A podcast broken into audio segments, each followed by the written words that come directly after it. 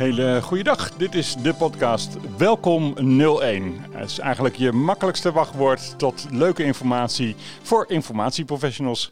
En uh, hè, ze is er weer hoor.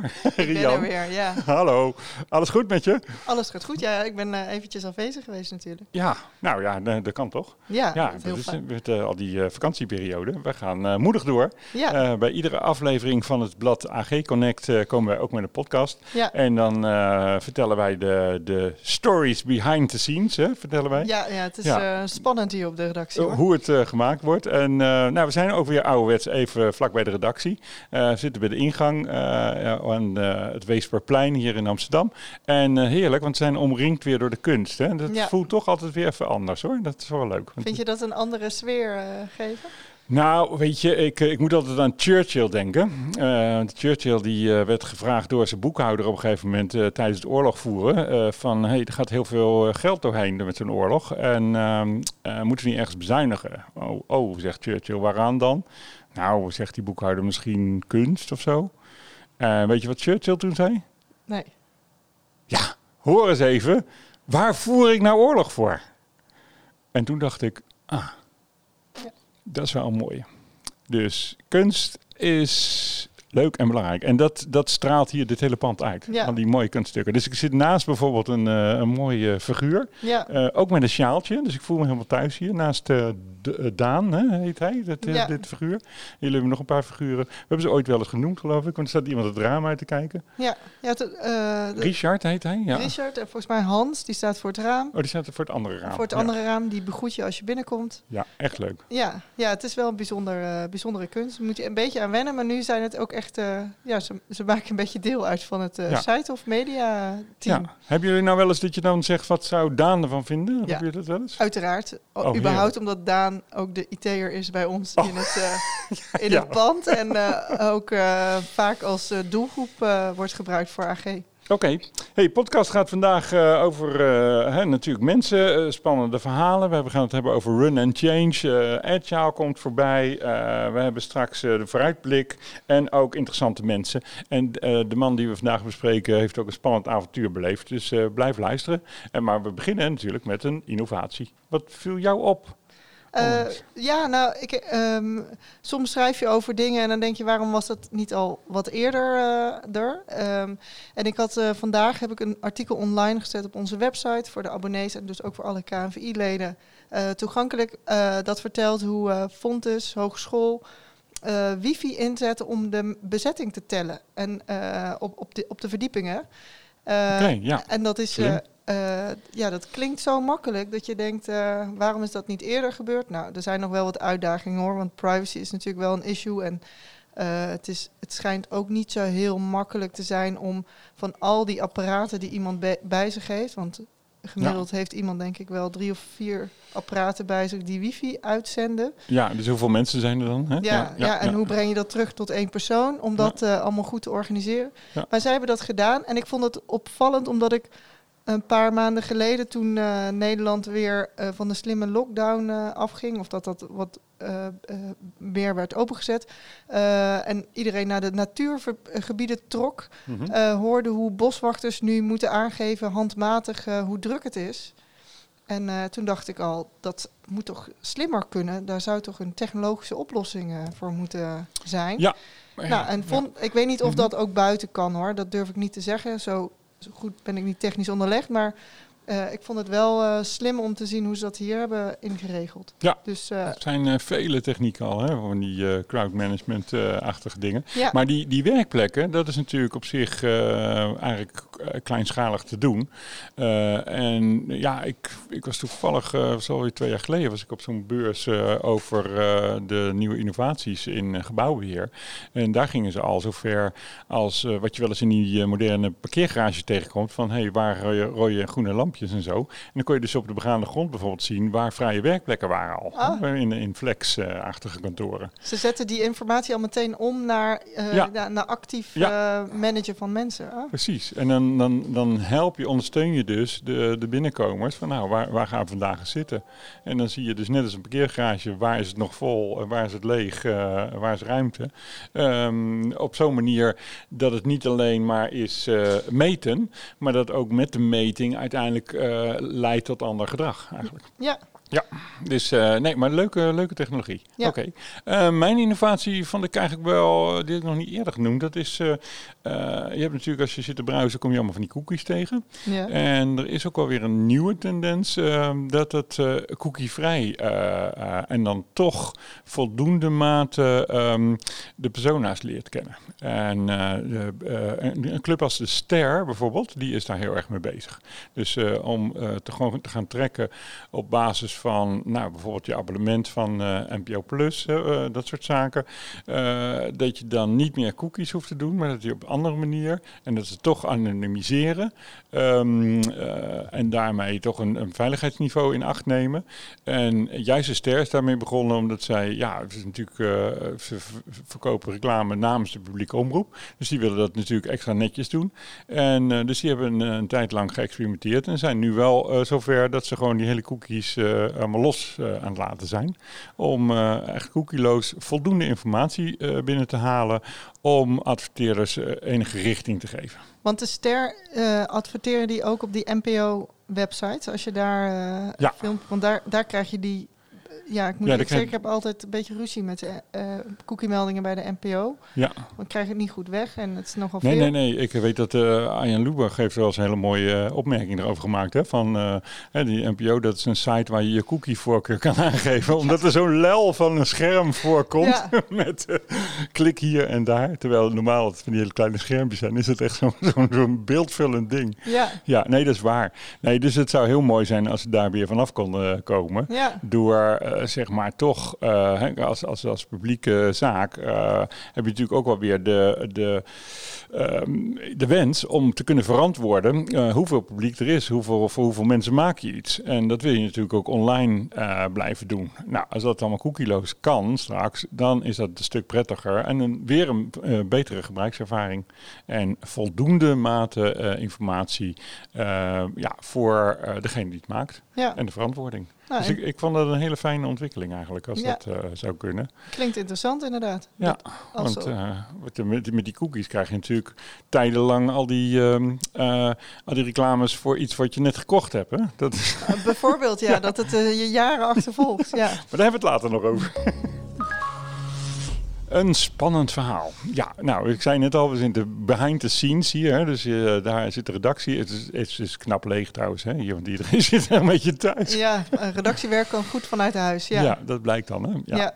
Ehm, eh, maar jullie hebben natuurlijk wel spannende verhalen eh, opgehaald. En, en in dit geval ging het over patching. Hè? Want dat is natuurlijk Ja. steeds meer in het nieuws eigenlijk. Hè? Vroeger hadden bestuurders of politici hadden het nooit over patching. Nee, maar nu heeft de Grapperhaus het zelfs over patchen gehad. Ja. En gisteren was er nog een heel, eh, heb je het gezien? Een hele discussie in de Tweede Kamer over Hm. zero days. Ja, Ehm, en nou ja, wat, wat wij, wat misschien om een beetje behind the scenes, wij overleggen elke dag als redactie eh, over de artikelen die we schrijven.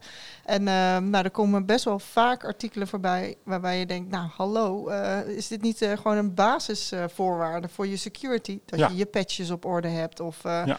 dat je niet een admin-admin instelt of dat je ja, je ja niet de admin als wachtwoord. Of welkom 01 als wachtwoord of zo. Dat je Of dat, geen wachtwoord hebben we ook meege. Want Eveline had het daar vorige, vorige keer over. Over de Miauw eh, eh, Ja. die databases die door Miauw waren vervangen. Mhm. Eh, en dat waren databases die dus niet ver- met een wachtwoord waren beveiligd. Nou, al die verhalen samen dachten, hoe kan dat toch dat die basisbeveiliging niet op orde is bij bedrijven? Nou, daar is mijn collega Jasper Bakker ingedoken en daar hebben we een artikel over geschreven.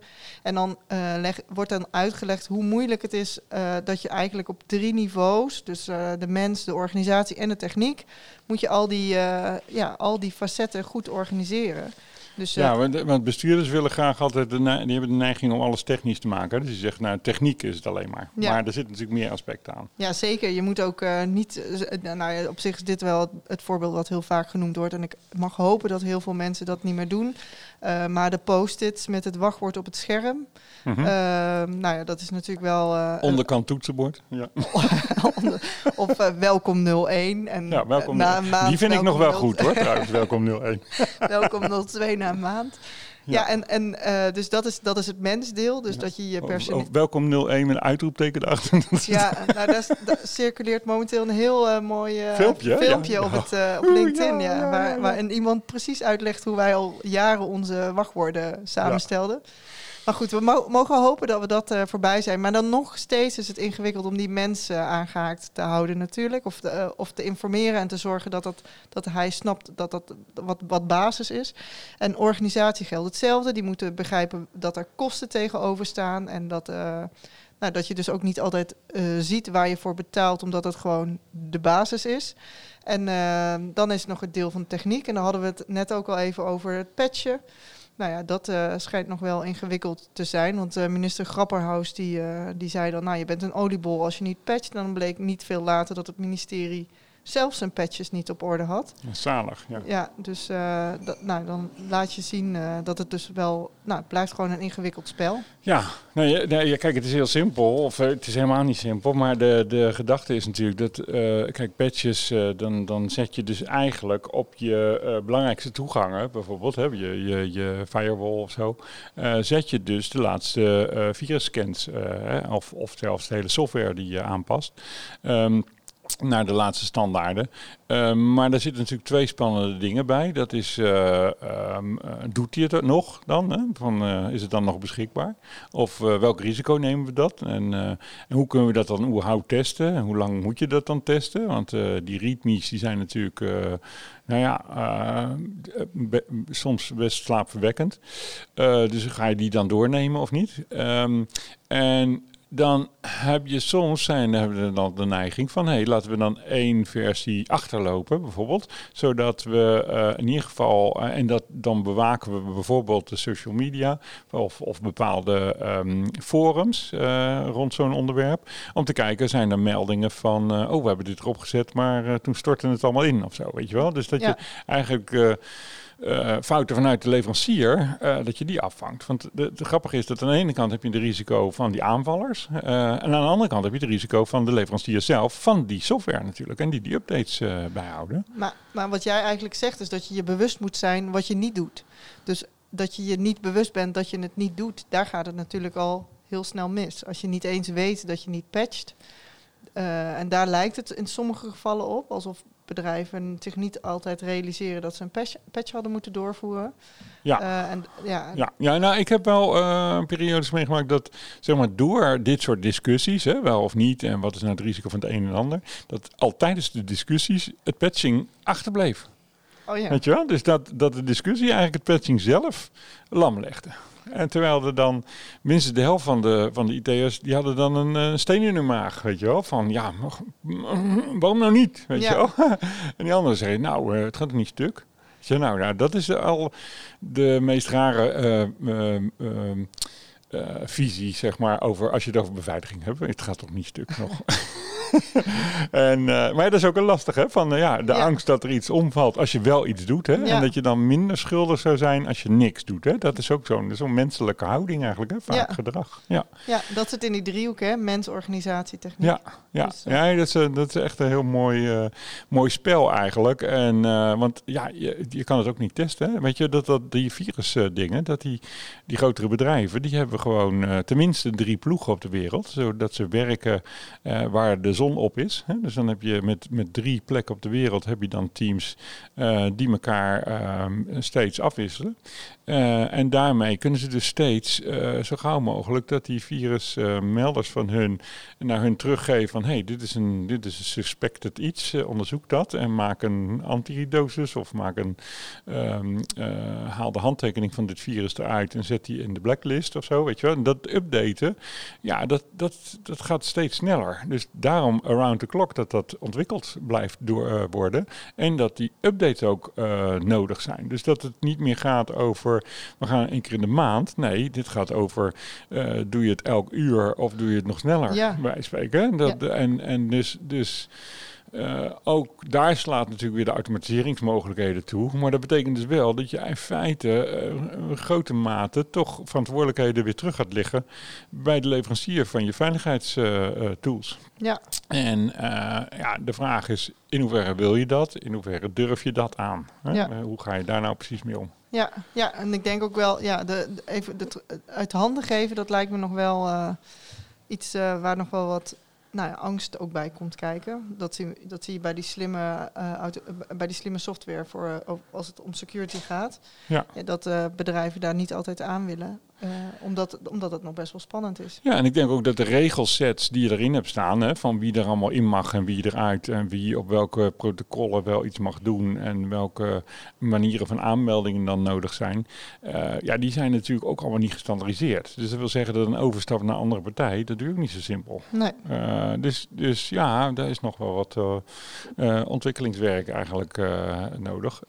te meer ook, omdat natuurlijk gewoon de, die jongens die aan de andere kant, aan de aanvallende kant zitten, ja, die zijn natuurlijk, uh, die verzinnen van alles en nog wat. Dus, dus je moet ook mee.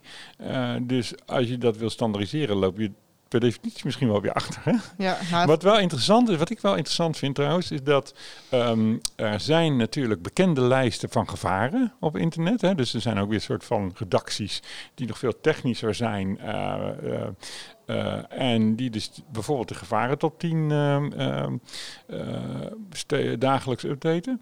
En ik heb wel eens geprobeerd om een overeenkomst af te sluiten met een leverancier, bijvoorbeeld van een, een, een webmaker. Hè, daar heb je die lijsten bijvoorbeeld van. om te zeggen van jij houdt die lijst in de gaten en je reageert op die lijst, gewoon proactief. Mm -hmm. Dat ik niet zeg maar iedere maand in een overleg moet zitten met jou van heb je de lijst nagekeken, maar dat je dat proactief gaat doen. En daar wilde eigenlijk niemand aan. En toen dacht ik, oh, die, die zijn nog niet zo volwassen. Je bedoelt de makers van de software zelf? Nou, de makers van websites bijvoorbeeld. Hè, en de beheerders van websites. Van, hey, waar reageer je nou op? En wanneer ga je je software uh, aanpassen? Ja. Of moet ik dat steeds vragen? Weet je wel? Nou, dat, dat, dat is ook wel een interessant uh, ja, je mag... ontwikkeling. Want dat is toch een ding wat aan de buitenkant staat. Ja, je mag toch wel een bepaalde mate van professionaliteit uh, verwachten van die website. Ja, maar het, dus het, het contracteren van iets wat zo flexibel is, daar wordt die dus lastig. Hè? Ja. Dus, dus uh, ja, je kan, dan willen ze misschien best contracteren dat ze zoveel uur voor je doen. Maar niet dat ze dat of dat beveiligingsniveau in de gaten houden. Ja. Want dan, ja, dan wordt het toch eigenlijk op dit moment lijkt het dan nog te ingewikkeld. Hm. En uh, ja, dus daar, uh, dat is wel interessant. Maar ja. dat, dat wordt wel uh, steeds specialistischer werk. En dus dan zou je zeggen, nou dan moet je dus achter die of die of die firewalls om dan die risico's weer naar die firewall leverancier te verleggen of zo. Want die, ja. die durven dat dus wel, want die hebben die around the clock types. Hè? Dus ja. dan moet je dan weer een combinatie maken van systemen. Ja, uh, kortom, uh, uitdagingen genoeg. Ja. Uh, never a dull moment. Dus dat was jullie spannendste verhaal eigenlijk, hè? Zo, om het spannend om te maken. Dat, ja, nou, het onderwerp wat het vaakst op de agenda komt. Ja, oké. Okay. Goed. Dat je denkt, dit is toch wel voor elkaar.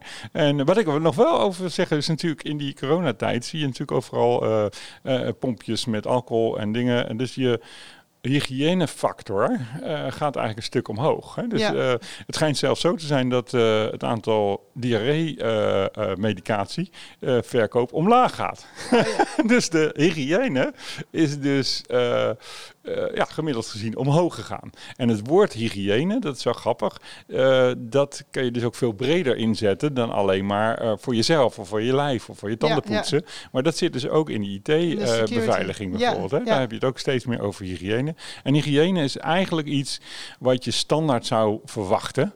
Uh, maar wat er dus niet altijd is. Nou, nee, uh, dus, en je kunt dus ook met je leverancier hebben over hoe is het met jullie hygiëne? Wat is jullie basishygiëne niveau eigenlijk wat ik mag verwachten? Ja. Nou, dat is, een, ja, is wel een mooie bespreektip. En dan wijs je gewoon naar dat, naar dat handpopje wat dus op die tafel staat. Ja, ja, ja, ja, ja. Nou, um, niet alleen de firewalls wijzigen natuurlijk regelmatig, maar ook uh, gewoon de software in de algemeenheid. Hè? Er Zeker. allemaal weer een nieuwe klantwensen komen er langs. Dus dan heb je uh, de operatie. Vroeger was dat helemaal gescheiden. Die jongens zorgden dat het altijd het bleef doen. En daar kon je wat storingen melden. En dan kwamen er andere jongens en die gingen dan uh, de wijzigingen aanbrengen. Hè? En ja. dat was altijd spannend, want deed hij het dan nog? wat is er dan wel uitgevallen? En eigenlijk daar gaat het, ja uh, dit stuk over. Uh, hoe ga je run en change eigenlijk goed uh, in balans brengen en combineren? Ja, en hoe, ja, inderdaad, hoe hou je het in balans? we hebben verschillende stukken over run en change. We hebben drie artikelen in de IT Study staan die hierover gaan. en um, jij hebt het inderdaad over hoe hou je daar regie op. daar gaat Ronald Israëls op in. hij, dus hoe zorg je dat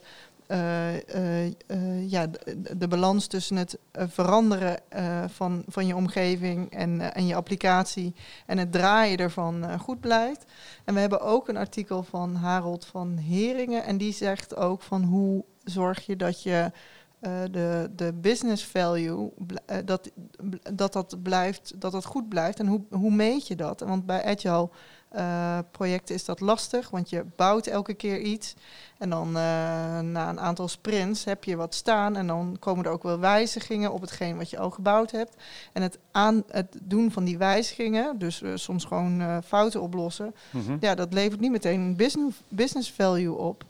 Uh, en hoe hou, dus hoe hou je dat, uh, uh, ja, hoe zorg je dat dat, dat dat in balans blijft, dus dat je nog steeds die business value blijft le leveren. En hij zegt eigenlijk moet je kijken naar de kwaliteit van je software en waar je de meeste kwaliteit kan boeken. Dus kwaliteit, maar dat is dus een ondergeschoven kindje, zegt hij ook. Daar wordt te weinig naar gekeken, naar de kwaliteit, op het moment dat je veranderingen gaat, gaat doorvoeren. en, en jij verwees net naar het stuk van... Um, uh, van Ronald. Uh, en dat gaat dan over regie houden uh, tussen, die, tussen run en change. Ja. Uh, en vooral een agile project is dat natuurlijk ingewikkeld. Ja, jij had al een aantal voor, voorbeelden ja. toen we elkaar uh, hiervoor even spraken. Ja, ja, ja. Ik vind het zo'n leuk uh, onderwerp, omdat er natuurlijk altijd spanning op zit. Want iemand vanuit de business die zegt, ik wil dat nieuwe, die nieuwe feature wil ik, hè? En, en, wel nu. En dat gerepareer van die dingen die je vorige week fout gedaan hebt, dat doe je maar in je eigen tijd, hè? Zo, ja, ja. ik hoor het ze zo zeggen. En nou ja, dat spanningsveld, dat is natuurlijk de zoektocht.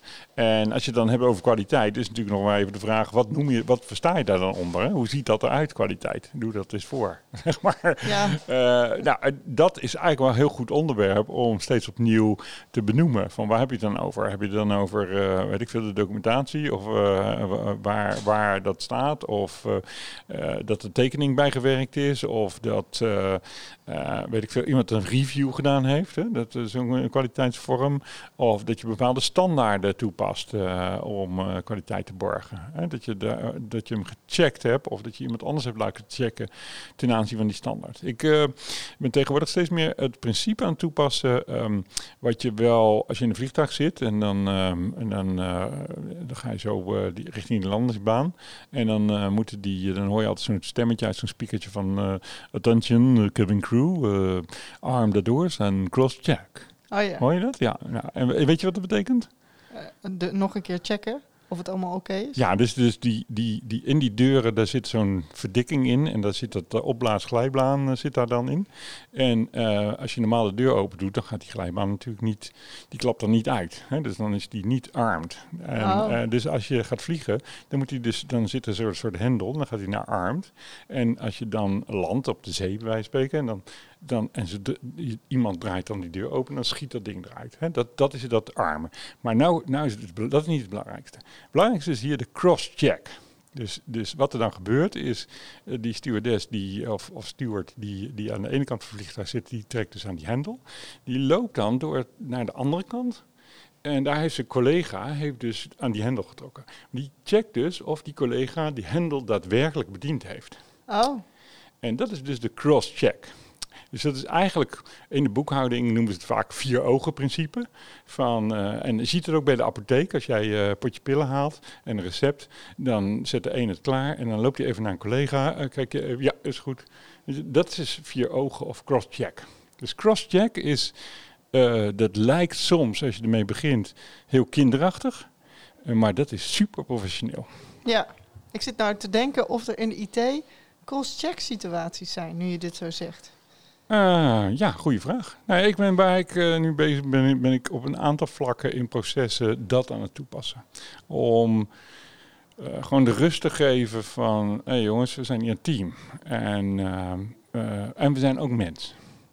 Maar die combinatie van team en mens, die kun je op die manier, kun je daar een kwaliteit in borgen. Die je anders misschien miste. Heb je een voorbeeld? Een concreet voorbeeld? Um, nou, een voorbeeld uh, uit, uit mijn uh, praktijk is, uh, waar ik nu zit, is dat er onderzoek gedaan wordt als er iemand overleden is. En er komt iemand bij een notaris en die zegt, nou, ik ben dan de zoon of dochter van die meneer of mevrouw. En ja, is overleden en dan komt er een nalatenschap en dan moet dat geregeld worden. Hè. Alle eigendommen, weet ik veel, is er een... Um, is er een, uh, uh, hoe heet zo'n brief ook weer? zo'n testament, testament ja, je? Ja, ja. ja uh, en, maar wat er onderzocht wordt in het archief, waar ik op dit moment actief voor ben, is of er, um, of er in de familielijn uh, wie dan de echte nazaten zijn, zeg maar, van die overleden meneer of mevrouw. En uh, dat is de verplichting van die notaris, daarom loopt dat ook via notaris, dat hij dat onderzoek doet. En die uh, archiefmedewerkers, die krijgen dan een brief, digitaal gelukkig tegenwoordig, maar um, van, hey, verzoek u nalatenschap van die en die eens te bestuderen. Nou, dan wordt het in die archieven bekeken van, oké, okay, hoe is die familielijn dan gelopen? En, en klopt de suggestie van die notaris? Mm -hmm. Nou, en dan gaat het dus een, een, bericht terug van, nou, we hebben dit en dit onderzocht en dat klopt. Nou, daar, uh, dus één, onderzoekt het. En twee, doet even een check. Heeft diegene die het moet onderzoeken het protocol goed, uh, goed gevolgd? Ja. Want uh, wij weten niks van hoeveel daarvan afhangt. Maar het kan zijn dat natuurlijk hele huizen of ja. uh, weet ik veel aan, aan vermogens van de een naar de ander schuift. Door dat onderzoek. Nou, dan wil je dus even die kwaliteitsborging van dat, dat dat op een goede wijze gedaan is. Ja, ja. ja? Dat is dus de, even de kostcheck aan het eind. Ja, ik begrijp het. Um, ja, en die kun je eigenlijk overal op loslaten. Ja. En, en om door, door dat voorbeeld van die stewardess... Um, is ook als iemand zeg maar bij die andere loopt, ja, ik heb geen zin of zo, of geen tijd, of dan kun je zeggen, maar ik heb even een crosscheck, wil ik graag aan je vragen. Dus dat is gewoon een collegiaal verzoek van, hey. Oh ja. En dan, dan popt dat, hoop ik dat dat beeld van die, van die steward, stewardess weer voorkomt, weet je, wat een positief moment is, dat je denkt, ik ben toch ook blij met die veiligheid, dat je Ja. zeker weet dat dat, dat, dat goed is. Ja. Maar zou je dat ook in een... Want we, we, eh, die agile projecten waar we het over hadden, zou je het daar ook kunnen doen? Dat er nog een... Ja, een test, testen is misschien wel de cross-check. Of een check. Ja, ik denk dat je op een heleboel vlakken waar je gewoon een eh, eh, een soort van co-piloot-achtige situatie hebt of iemand die en, en je gaat iets heel spannends doen, dat dat een hele goede vraag is. Weet je wel, ik, ik heb wel eens, eh, eh, als je een spreekbeurt doet of eh, het podium opstapt, dan wil je toch ook in de coulissen dat er iemand even naar je kijkt. Zit, zit niet je in je, boor, boordje binnen buiten of zo, Ja. of zit er niet een hele rare haarlok raar, weet je wel, dat gewoon even iemand naar je kijkt. Ja. Weet je, en dat is niet om het ego te boosten, maar dat is gewoon, eh, het is gewoon fijn. Dat geeft jou de rust en, eh, en, en, en geeft het samenspel van we staan hier samen garant voor een topprestatie. Ja. Weet je wel zo. En eh, dus ik denk, en ik merk nu bijvoorbeeld in die coronatijd dat. eh, ehm, eh, dat het de neiging is om allemaal stickers te plakken en pijltjes. Eh, en dat is op zich aardig, maar ik vind het eigenlijk vrij snel voelen als dat je constant in een soort alertheid moet zitten. Mhm. En uh, dus ik ben heel erg aan het oefenen met elkaar om daar iets positiefs van te maken. Dat je komt elkaar tegen in een te smalle gang en dan moet er één terug. En dat je dan op een leuke manier uh, naar elkaar glimlacht of kijkt. En dan eigenlijk samen een soort van dansbewegingje terugmaakt van er moet iemand terug. Weet je wel, maar dat je dat op een hele leuke manier met elkaar gaat doen. Waardoor je samen, dat je eigenlijk op dat moment uh, een nieuw niveau van samenwerking krijgt. Dat je ook echt het gevoel hebt dat je het samen aan het doen bent. Ja, dat je dit samen oplost. En dat je samen op die manier, op een positieve manier eigenlijk, ja, uh, zeg maar die veiligheid voor elkaar borgt. Ja. Ja. Dus, uh, dus ja, ik probeer het heel beeldend en praktisch te houden eigenlijk. En, de, en, en, en dan wordt het ook makkelijker een principe uh, dan dat het zo'n regel is van heb ik jou daar lengte. Ja. Nou, uh, interessant onderwerp zo ineens. ja, en, en, op zich zit dat natuurlijk niet in die artikelen over uh, agile. Het gaat meer over regie houden. Ja.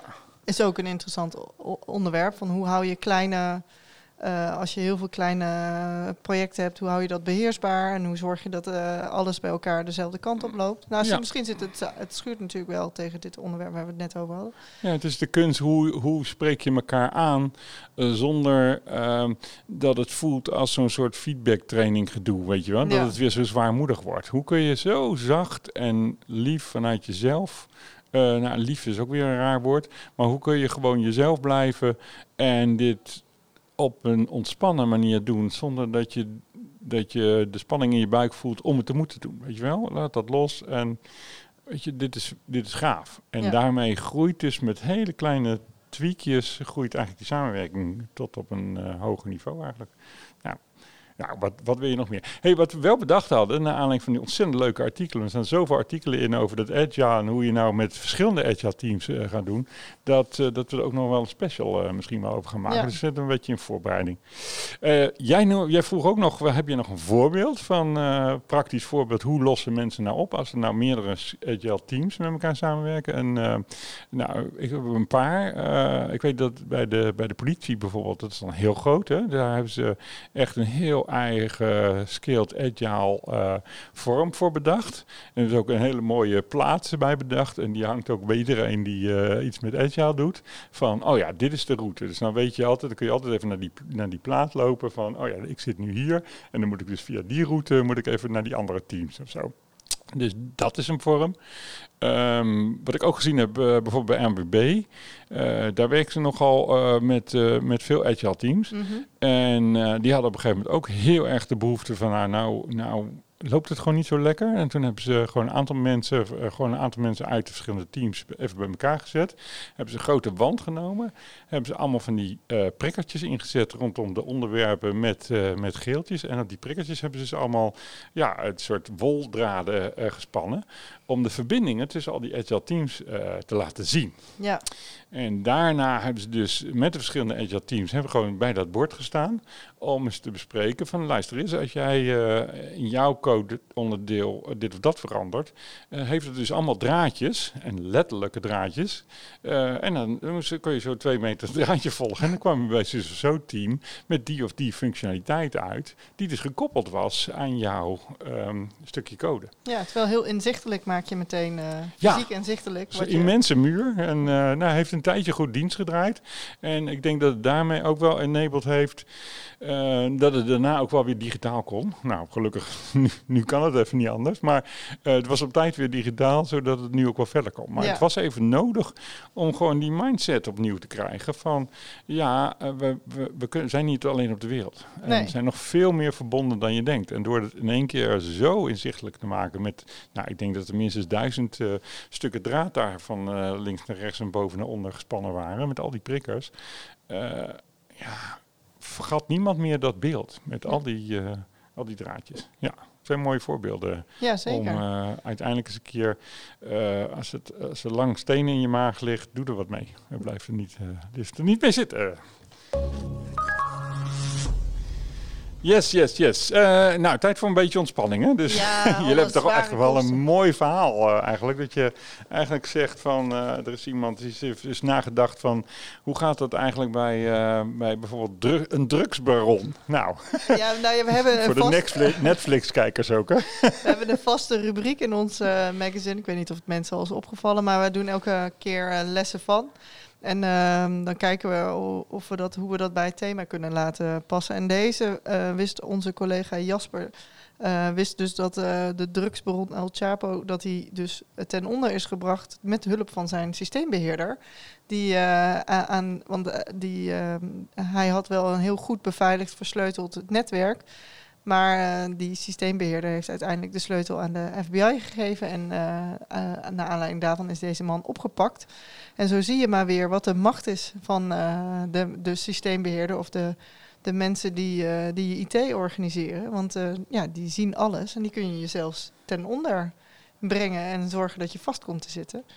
Dus uh, dat vond ik wel een mooi voorbeeld over. Uh, nou ja, hoe, uh, ik weet dat de KNV daar ook mee bezig is met smart humanity en mm -hmm. hoe, um, nou ja, hoe kijk je, welke macht heb je als IT'er en waar kan je iets aan doen? En ben je ook bewust van hetgeen waar je iets aan kan doen? En dit is daar denk ik een heel concreet klein voorbeeld van, maar wel een heel duidelijk voorbeeld. Dus ik vond het wel ja. een interessante les die, die daar neergezet werd. Ja, nou ja, dat is natuurlijk super uh, slim uh, werk weer geweest zo op die manier. Om, ja. Uh, ja, want uiteindelijk komt het daar allemaal bij elkaar in informatie. zeker. zeker in een modern bedrijf is vaak toch gebaseerd op IT, met weliswaar een specialisatie. Maar ja. zonder IT gebeurt er niks meer hoor. Nee, helemaal eens. Nee, dus nou, mooi, mooi verhaal. En wat ik ook wel leuk vind is, zeker als je naar zulke verhalen kijkt, dan kun je natuurlijk niet alleen bekijken vanuit, ja uh, dat die drugsbaron niet uh, zijn protocollen op orde had of uh, zijn mensen in controle had. maar je kunt dus ook kijken van nou, wat, wat voor zwakheden levert dat in mijn bedrijf op? Hè? Van wat, waar moet ik zelf op letten? Nou ja, het, het grijpt eigenlijk wel weer een beetje terug naar die basishygiëne. Hè? Dus ja. ethiek en zorgen dat mensen zich bewust zijn en laten nadenken. Dus ja, uiteindelijk maken we het cirkeltje zo weer rond. Ja, eindeloos hoeveel voorbeelden denk ik er zijn. Dus ik, ik begin er maar niet, aan. Um, yes. Uh, ja, mooi verhaal. Uh, Zo'n drugsbaron als voorbeeld. Ja. Uh, maar we blijven even bij mensen, want we, we willen Rob Walker ja, bespreken. La, want die, dat is vooral geen drugsbaron. Ik wou zeggen, laten we vooral de link niet leggen tussen Rob Walker en en de, de El Chapo. Maar het is een interessante man die ik sprak een tijdje geleden, hier op kantoor ook. Um, want uh, coronatijd en lastig om dan een uh, plek te vinden die voor helemaal uh, veilig is. maar hij vertelde dus hoe hij hier in de Wieboudstraat begonnen is met zijn bedrijf ooit. jaren geleden. en um, hij had een technologie en op basis van AI ehm, maakt hij voorspellingen over waar mensen interesse in hebben. Dus um, uh, marketinginformatie is dat eigenlijk. Uh, en dat had hij dus al jaren terug, nog voordat uh, de cookie-wetgeving je achter je achtervolgde, ja, denk ja. ik.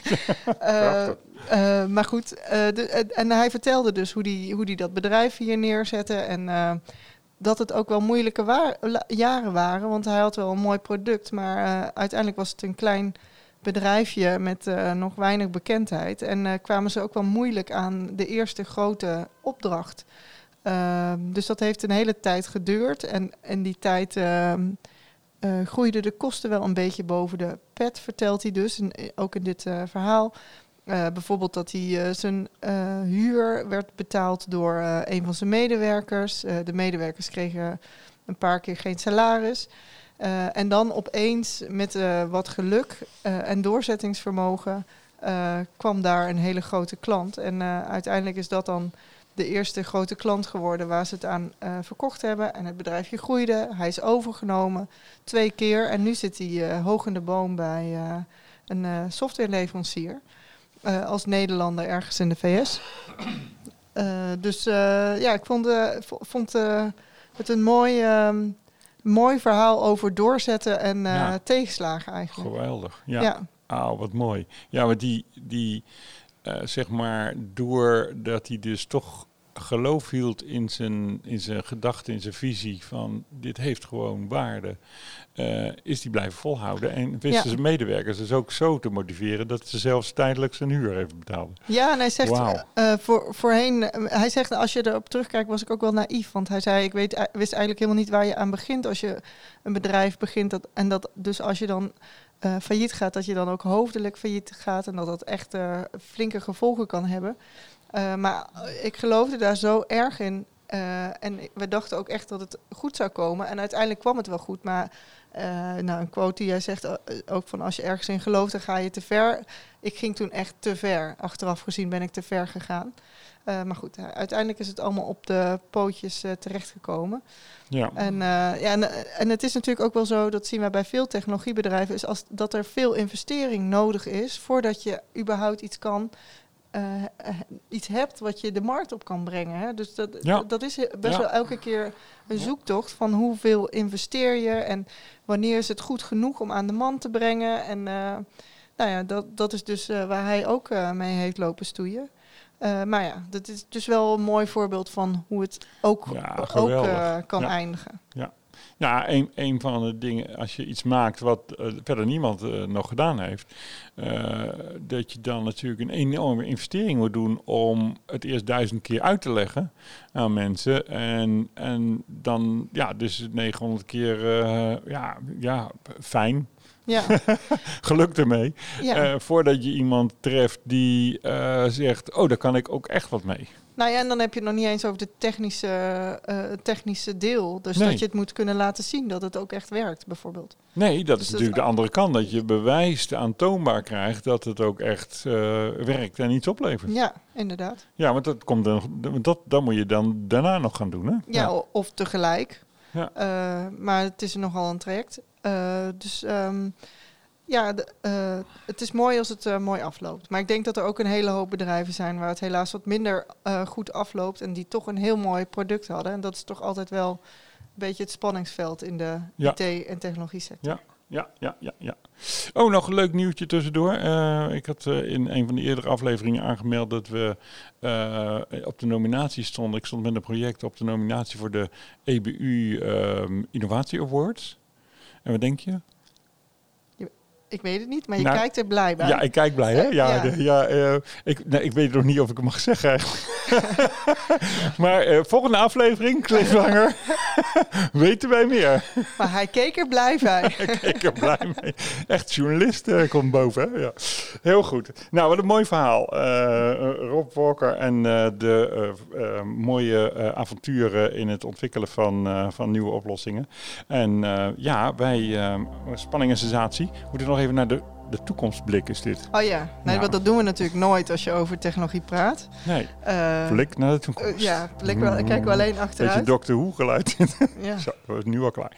Um, ja, uh, heb je nog spannende dingen in de toekomst? Ik moet ook even een website opschrijven. Ja, ik, even de agenda zoeken. Ja, want ja, we, nou, het zit wel een beetje in het spannende deel. Want gezien de COVID-situatie is dat natuurlijk heel spannend hoe onze... Um, uh, evenementen of dat, of dat uh, doorgaat. Maar vooralsnog hebben we aardig wat op de planning staan. Uh, een aantal masterclasses die we erop hebben staan. en we hebben twee grote congressen nog. Op 17 november hebben we het testcongres en op 8 december het cloudcongres. En we hadden afgelopen dinsdag het service management congres. En ik kan je mm zeggen dat... Um, dat, nou, dat het qua uh, coronamaatregelen en anderhalve meter, dat het allemaal wel uh, goed geregeld is. Dus dat is niet spannend, maar wel of uh, we de situatie hier of in Nederland, dat het allemaal goed loopt, dat we het ook daadwerkelijk fysiek kunnen laten doorgaan. Ja, dat mogen we toch wel hopen, zeg. Hey. Ja. ja, nee, ik... Helemaal eens. wij hebben op 6 oktober hebben we iets over resilience en anti Fragility. Oh ja. Nou, daar hebben wij eh, een tijdje geleden. Um, nou ben ik heel hard op zoek naar zijn naam in mijn hoofd. Hij heeft een stuk uh, hierover geschreven. Edso Botjes heeft een stuk uh, over dit onderwerp geschreven in AG. En, en, dat vind je nog terug bij ons op de website. Het gaat om het omgaan met onzekerheden en hoe je dat het beste kan doen als bedrijf. Hij heeft daar een model voor uh, gemaakt. Dus Oh, uh, wat zeker de moeite waard. Ja, eh, nee, maar dat is, dat is dus een hele leuke ehm, eh, sessie die ik verwacht. Ehm, wat ook heel erg leuk is, is eh, digitale transformatie. Natuurlijk altijd leuk. Eh, Gaat ook en altijd dat door. gebeurt op 7 eh, oktober eh, in, in de middag. Eh, en dat is een webinar, dus dat is makkelijk, hoef je niet eh, te reizen. Ehm, en eh, ik ga zelf weer een serietje masterclasses begeleiden, maar die is allemaal volgeboekt. en dat is allemaal fysiek, dus, dus dan moet je in het voorjaar weer zijn. Het gaat ook over digitale transformatie. En en wat ik wel kan zeggen, dat is wel leuk, dat ehm, ik spreek nu weer een aantal mensen die nog een beetje in het analoge domein zitten, in die archieven. En ehm, ik heb zelf wat, wat verleden zo in de media meegemaakt, waar die digitale eh, transformatie heeft plaatsgevonden. Dus dat de videobandjes naar videofiles. En eh, als, je, als je ervoor staat, dan lijkt het eigenlijk simpel de pimpel. Van is toch een vertaling. Eh, maar als je achteraf kijkt, dan is het toch wel een enabler van, of een, een mogelijkmaker van, van hele nieuwe eh, eh, manieren van werken eigenlijk. Dus dat je bijvoorbeeld, nou, het is een coronaproef en die files die vliegen allemaal door de lucht. En die bandjes lukt dat nog niet zo, of die komen niet zo'n end. En dus, dus ja, het is wel een start van iets heel anders. Dus van hele andere aanpakken en meer doe het zelf eigenlijk. Hè? Dus het kan veel kleiner. Je ziet wat er apps in je telefoon zitten waar je mee je video kan maken en eh, Ja. zelfs monteren. Dus eh, ja, de, de, de, het gaat veel verder dan alleen de omstap eh, van de een naar de ander. Omdat ja, digitalisering altijd al eh, gaat eigenlijk naar eh, dat de meeste data entry aan het begin zit. En dat daar steeds meer gebeurt. En dat schuift in grote mate nog verder op. Hè. Dus de dingen die je vroeger allemaal aan anderen overliet, die kun je allemaal zelf gaan doen. Omdat Oh zeg maar, de ondersteunende applicaties er zijn. En dat je dus eigenlijk bij het aanmaken eh, al alle eh, factoren neerzet die tot en met de archivering over jaren zou kunnen eh, ja, metadateren eigenlijk. En ja, dat wordt wel heel interessant hoor, dat dat, dat, dat zo mooi wordt. Hè. Voorbeeldje uit mijn praktijk, want anders is het te zweverig. Ehm, bouwvergunning, jij vraagt een bouwvergunning aan, nieuw huis of je verbouwt je huis of zo. En dan heb je zo'n procesje in de gemeente en dan moeten ze even wat tekeningen van je krijgen en die moeten ze dan beoordelen. En Hm. welstandscommissie misschien nog of eh, weet ik veel of je grondoppervlak niet te groot is of niet te hoog is, dat soort dingen, of het wel veilig is. Eh, en dan geven ze oké en dan eh, is die zaak, eh, dan krijg jij eh, vergunning en dan wordt die zaak afgesloten en dan wordt die eigenlijk gelijk gemetadateerd dat die gearchiveerd wordt. En als de, afhankelijk van de wetgeving, als dat over 70 jaar dan vernietigd moet worden, dan gaat er ergens een tellertje af die 70 jaar aftelt Hm. en dat die hem dan vernietigt. Hè. Dat, eh, Oh ja, Zo, dat soort dingen, daar zijn we nu mee in voorbereiding. Nou, dat is echt wel eh stoer spul. ja. Ja, ik geloof dat ze trouwens, eh, ik weet eigenlijk niet wat de levensduur van een bouwvergunning is, hoe lang dat is. Ik denk dat dat gewoon een eeuwig eh is, zo? niet, niet vernietigen of zoiets, denk ik. Ja, Ah. dat denk ik wel. Ja. Maar eh, maak me er niet op af, zou ik zeggen. ik weet het niet zeker. Ehm, nou, dus eh dat ziet er weer leuk uit. En eh, wanneer is het volgende exemplaar? Wanneer zijn we er weer? Nou, we zijn eh, daar nu mee bezig. Ik weet niet de precieze datum, maar over drie weken eh, ligt hij op je mat. Oké. Hey, en we hebben ook nog een hele leuke eh, helpdesk deze aflevering. Dus eh, wacht even eh naar de tune, want eh, dan gaan we gelijk door met de helpdesk. Tot de volgende keer. Hoi. Hallo, met Sander van de Helpdesk spreekt u. Ja, dames en heren, ik heb deze week een machtig interessant probleem voorgeschoteld gekregen van een mevrouw die schrijft aan mij: Ik had een nieuwe ding-dong-bel besteld en nu heeft mijn man hem opgehangen, maar hij doet geen ding-dong, maar dong-ding. Nou, ik heb die mevrouw dus geadviseerd om aan haar man te vragen of, ze even, of hij even de xylofoontjes in de bel om wil wisselen. Nu krijg ik weer een brief van dezelfde mevrouw. Mijn man heeft de xylofoontjes omgewisseld, maar nu doet de bel nog steeds geen ding-dong, maar gnit gnot. Wat kan ik hieraan doen? Ja, mevrouw, ik bespreek het volgende keer graag met u.